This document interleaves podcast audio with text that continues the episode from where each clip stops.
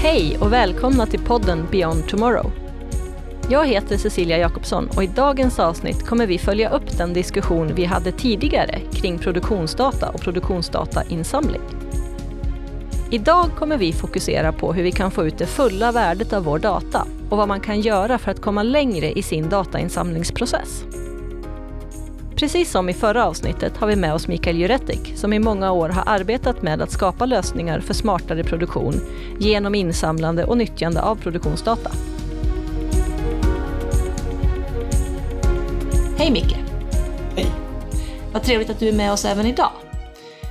Förra avsnittet så pratade vi om produktionsdatainsamling. Vi pratade om att det finns många olika sätt att göra det här på. Det finns standardprotokoll, det finns smarta sensorer, det finns egentligen en mängd möjligheter i att samla in produktionsdata.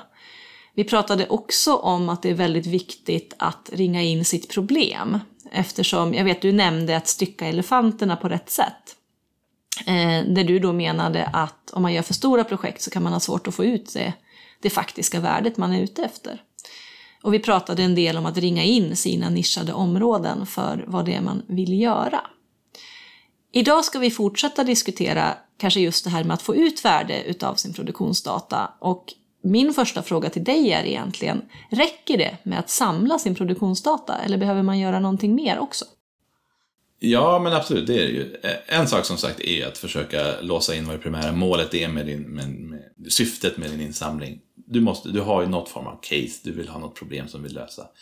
Men grunden och basen är ju det vi pratat om hittills, det vill säga det, givardatat egentligen. Men sen gäller det ju att koppla ihop det och ge det en kontext. Koppla ihop det med en, en smart struktur.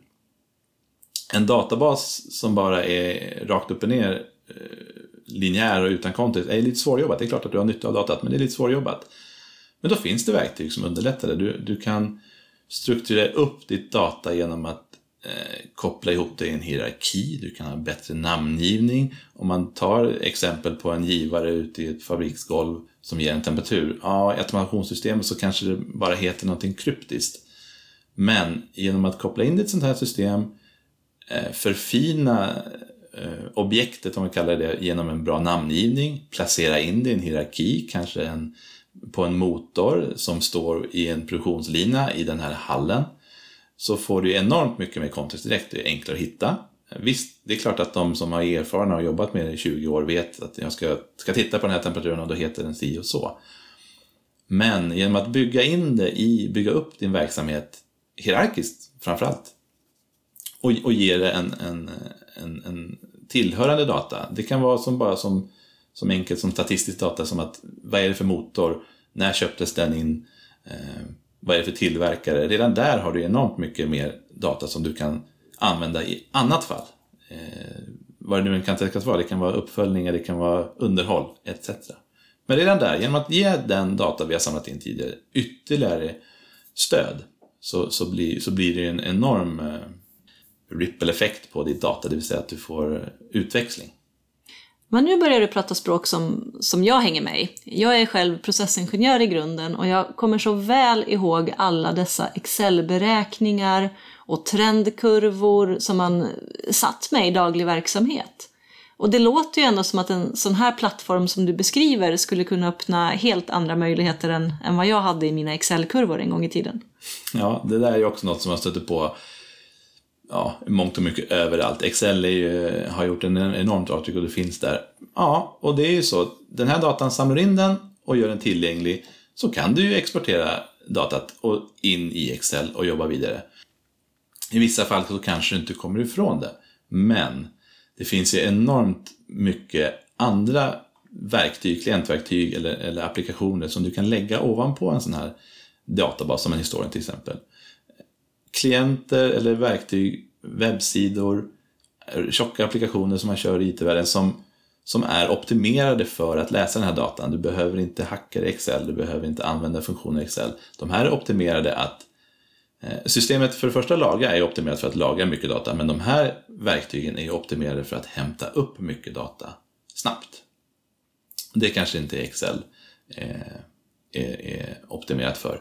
Dessutom så de här verktygen också gör det i realtid. Det vill säga att om du tittar på, du samlar in datat eh, i realtid så kan du direkt se bara sekunderna efter så kan du se och jämföra olika mätvärden med varandra. Du kan se, som du nämnde, trenda. Du kan se graferna, du kan se trenda det här värdet och se uppdateringar i realtid. Enormt värdefullt för en, en processingenjör. Och då behöver du som sagt återigen inte gå ner till verkstadsgolvet utan du kan sitta på kontoret uppe. Eh, du kan sitta med kollegor, du kan sprida datat och i de här verktygen bygga då jämförelser, eh, dashboards, du kan ta fram KPI-er, du kan lägga dem över varandra om du har kört en och samma, till exempel säg att du har en batchproduktion. Ja, då kan du ju eh, bygga en bild som, som visar din batchproduktion, eller en, en, en batch av en viss produkt. Och sen lägger du eh, ytterligare en batch på den av samma produkt, ytterligare en batch på den så att du får en, en overlay över dem och se, ja men den här avviker, varför avviker den? Oj, här har vi en, en, en optimal batch. Men då styr vi mot den. Allt det där känner jag igen, det jobbade vi ju väldigt mycket med. Just det med att man satt med, med trendkurvor och, och jämförde och la över varandra, det var ju en stor del av åtminstone min vardag inom biotechindustrin. Men eh, det var väldigt mycket copy-paste för att få till det här. Menar du att vi kan slippa copy-paste? Ja, absolut. Copy-paste för all del, men genom att göra det här på ett Eh, parametriserat sätt, du gör en modell, du, du, du letar upp det mönstret som du vill fånga upp och, och bygger en bild eller en display som, som bara egentligen fyller den eh, efterfrågan som du har. Och sen mata det med olika produkter, olika batcher, så, så behöver du inte uppfinna återigen hjulet på nytt, utan du har gjort en optimal bild som, som du kan se över flera produktionslinjer till exempel. Kan jag sprida den till mina kollegor också? Självklart. Det, det är också, de här verktygen byggda för att sprida. En, oftast kanske du har till exempel att du enkelt bara surfar till en sida du bygger en bild, ja du vill bygga en bild för dig själv och bara testa en viss grej, självklart. Eller så sa nu titta här mina kollegor, jag har byggt en jättefin bild. Sprid den. Eh, dela den på avstämningsmöten. Eh, det kan till och med vara så att man bygger en, en, en sån bild som visar produktionen i realtid ovanför en entré och visar det på en skärm. Eh, som vi gör hos vissa. Men eh, vilka brukar traditionellt vara intresserade av den informationen då, mer än, mer än jag som processnörd? Ja, men det finns egentligen inget, inget rätt svar tänkte jag säga på det här, men det, det finns ju, alla vill ju ha den här informationen. Det är management, det är processare, det är underhåll. Finns datat på plats, ger du den kontext och då, då finns det ju ingen begränsning på vilka som är intresserade av den här datan. Det är till och med så, så att du kan börja koppla det till dina produkter. Eh, det är ju väldigt eh, i ropet idag med elproduktion till exempel. Säg att du skulle kunna brännmärka en produkt som du säljer. Ja, den här produkten är tillverkad genom att förbruka så här mycket el. Nu är det ett exempel som kanske inte blir realitet, men det är faktiskt det du kan göra. Det finns ju ingen, ingen eh, begränsning på vad fantasin tar vägen för vilka som kan nyttja all den här datan. Och, och och som sagt, som jag nämnde, det finns ju alla möjliga former av intressenter. Men, men, men det kommer ju också till till exempel AI, prediktiv underhåll som man, som man kan sprida den här informationen till. Men det kan också vara till exempel en, en ren koppling till EOS-funktionen på ett företag. Nej, vänta nu, nu tappade du mig. EOS, för mig står det för miljö, säkerhet, hälsa. Va, vad har de för nytta av min produktionsdata? Jo, men återigen, det, det, finns ju inga begränsningar. Det finns ju enorma områden att täcka med, med, med, inom den biten. Ta till exempel att du har utsläpp, du har miljörapportering, du har produktionsplanering som, som du baserar på, på energitillgången. Allt sånt har ju med de bitarna att göra. Eh, en, en, en enkel sak som miljörapportering, jo, du har krav på dig, eh, du behöver till myndigheterna ge en, en översikt över ditt utsläpp och din produktion. Hur har du gjort det innan du hade en sån här plattform eller digitaliserat program? Jo, du kanske behövde använda Excel. Du kanske till och med behövde göra det manuellt och, och räkna varje gång, varje månads eh, slut så behöver du göra, gå tillbaka eh, i tiden för att sammanfatta all den data. Du behöver gå till ett system för att hämta det där datat. Sen behöver du gå till ett annat system för att hämta en annan utsläppsparameter. Men har du samlat det i en och samma plattform så blir det enormt eh, tidssparande och effektivt genom att göra en, en automatiserad miljörapport. Ja, okej, okay. när du beskriver det på det sättet så låter det ju faktiskt helt självklart. Och att produktionsdata då också verkligen kan vara en stor del i hållbarhetsutvecklingen för ett företag. Men då måste ju även processutvecklingen stödja hållbarhetsmål. Ja, absolut. Självklart. Effektiva processer, eh, det ger ju mer produkter med hög kvalitet istället för mycket, mycket som du behöver kasta, kassation. Och, så det blir en naturlig del i ett hållbarhetstänk. Och sen är det ju som sagt också helt centralt när det gäller att maximera konkurrenskraften hos företag. Men eh, som du beskriver det så låter det här som någonting som alla verkligen borde sträva efter det. Men vi pratade också lite grann initialt om att eh, det finns utmaningar och vad jag förstår på dig när vi pratade innan så har många företag också kommit väldigt olika, olika långt. Hur ser det ut inom industrin i Sverige egentligen? Hur, hur, hur jobbar man med sin produktionsdata? Ja, enormt olika, väldigt olika. Och hur långt, framförallt hur långt man kommit. Eh, och det beror ju också mycket på vad man är för bransch, vilka branschutmaningar man har. Som jag nämnde lite tidigare, det finns de som fortfarande inom läkemedelsvärlden som har haft svårt att gå över, som fortfarande gör mycket på papper. Eh, medan andra kan vara helt digitaliserade. Det där med papper låter ju inte så vettigt om man tänker ur hållbarhetsperspektiv. Nej, precis. Ännu en aspekt som man, som man, eh, som man får till genom att automatisera och digitalisera. Samla in din information, gör det digitalt, i den mån du verkligen behöver. Absolut, skriv ut det på papper, det kan vara viss del att du behöver arkivera, men du kan, du kan kapa väldigt mycket. Men sen är det också pengar. Det här är ju, det är inte gratis. Eh, hur mycket är man villig att satsa? Det är inte alltid de som sitter på pengarna förstår eh, och, och, och eller accepterar för det första eh, kostnaden. Men förstår vinningen i att det finns även pengar att hämta hem om du bara investerar lite. Nej, och det där känner jag igen som processingenjör också. Det var många gånger vi kanske ville ha ett verktyg eller faktiskt också samla in data på ett mer eh, digitaliserat sätt. Men, men vi hade väldigt svårt att förklara det i en större kontext. Kan inte du dela med dig av något konkret sätt som du kan se att, att man har kunnat fått vinster eller förbättringar hos företag som har prioriterat att jobba med sin produktionsdata? Mm, absolut, och det är precis som du nämner, det, det där är väldigt vanligt som vi stöter på när vi har dialog med diverse företag. Att de som vill ha det, de kanske till och med har svårt att få ut det till de som sitter på pengar, de som bestämmer. De har svårt att förankra, de har svårt, de sitter och har, de ser som de stora möjligheter. Och det är det som kan vara ett hinder som vi nämnde från början, att, att det här kan ju också vara svårt att göra.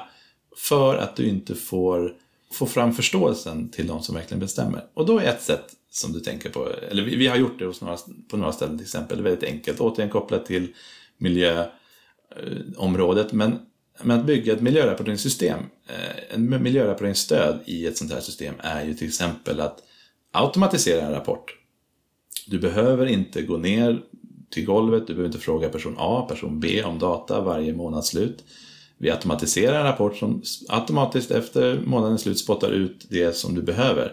Och sen är det bara att skicka det till myndigheterna. Enormt mycket spara, eh, tid som sparas. Men framförallt, det som är ännu mer eh, som man kan göra med det här, som jag nämnde, att du kan se saker i realtid. Det vill säga, om vi kopplar upp de här miljövariablerna, eh, utsläppsvariablerna framförallt, och visar upp dem i samtidigt som du kör din anläggning, så kan vi sätta gränsvärden, du kan i realtid se hur du kör din anläggning mot dina utsläppsvariabler. Om du har, oj, här nu har vi eh, koldioxidutsläppet, gränsen till det närmar vi oss, ja men då får vi dra ner den ugnen eller den parametern så att vi inte eh, breachar eller går över de gränser som vi har lagstadgade krav på att hålla. För det görs idag och då accepterar man på ett visst sätt, men man får betala ett vite och som, som då bevisas i den rapporten du skickar in. Men Genom en sån lösning som vi har byggt på vissa ställen, att du i realtid kan se hur du kör anläggningen blir enormt kraftfullt för att då kan du hålla dig borta från de gränserna. Det blir både ekonomiskt försvarbart för att du slipper betala viten, men i slutändan framförallt en grönare framtid. Du kör inte din anläggning så hårt och så utsläppstungt. Eh, det låter ju jättebra och väldigt konkret också just det här med att att undvika viten. Det, det tror jag till och med jag hade lyckats sälja in till, till min företagsledning en gång i tiden. Ja, men så att du ser, pengar kan man spara på flera olika sätt. Viten, du sparar på arbetstid, arbets, du får loss resurser så kommer göra annat istället. Tid är också pengar. Ja, det är faktiskt helt sant. Men du, våran tid börjar närma sig sitt slut för det här avsnittet. Det har varit jätteintressant att få lyssna på dig. Eh, om jag har förstått dig rätt så skulle dina tips vara att påbörja sin datainsamling eh, och kanske samla mer data än vad man själv tror, även om man inte har någon nytta av det just nu. Du sa tidigare att man kan inte samla för mycket data. Nej men absolut, du, du, du, vet ju faktiskt inte vad som kommer för verktyg som kommer imorgon. Det kan vara banbrytande för din, för din bransch. Och sitter du då på en liten dataskatt flera år tillbaka så är det enormt fortare på banan genom att använda de här verktygen. Ja, men det, det är någonting som jag kommer ta med mig i alla fall. Eh, men sen också nämnde du det här med att implementera i lagom stora bitar. Att kanske identifiera sitt problem och fokusera på det. Det lät också som någonting väldigt centralt. I... Ja, absolut. Men som sagt, gör du för mycket på en gång, då blir det pannkaka. Det är ju samma sak i, överallt, i, i privatliv också. Gör du för mycket på en gång, det är svårt. Och i den här världen kan du göra en liten bit och visa på ett, ett case som du har räknat på, så kan du också börja räkna hem investeringen tidigt. Med det, med det sagt också få en, få, en, eh, få en möjlighet att göra en större investering när du faktiskt kan visa på att du snabbt kan räkna hem det. Ja, men det låter ju väldigt rimligt för mig i alla fall. Har du någon punkt som du skulle vilja avsluta med till våran publik? Ja, men det är ju framförallt egentligen, har du all den här datan på plats, har du lagrat den, så är det ju bara fantasin som sätter gränser för vad du kan använda den till. Vi har varit inne på x antal olika områden och, och små, men, men, men det finns ju ingen begränsning. Det, har du data på plats, du har folk med, med innovativa tankar, så kommer du komma väldigt, väldigt långt. Det är ju en väldigt kittlande tanke och där tycker jag kanske vi avslutar dagens podd. Men stort tack för att just du kom hit till podden idag och delade med dig Micke. Tack! Tack också till alla er lyssnare. Om ni vill veta mer om det ni har lyssnat på idag eller komma i kontakt med fler experter inom det här området så kan du besöka oss på webben www.plantvision.se Tack för idag! Följ oss gärna för fler avsnitt.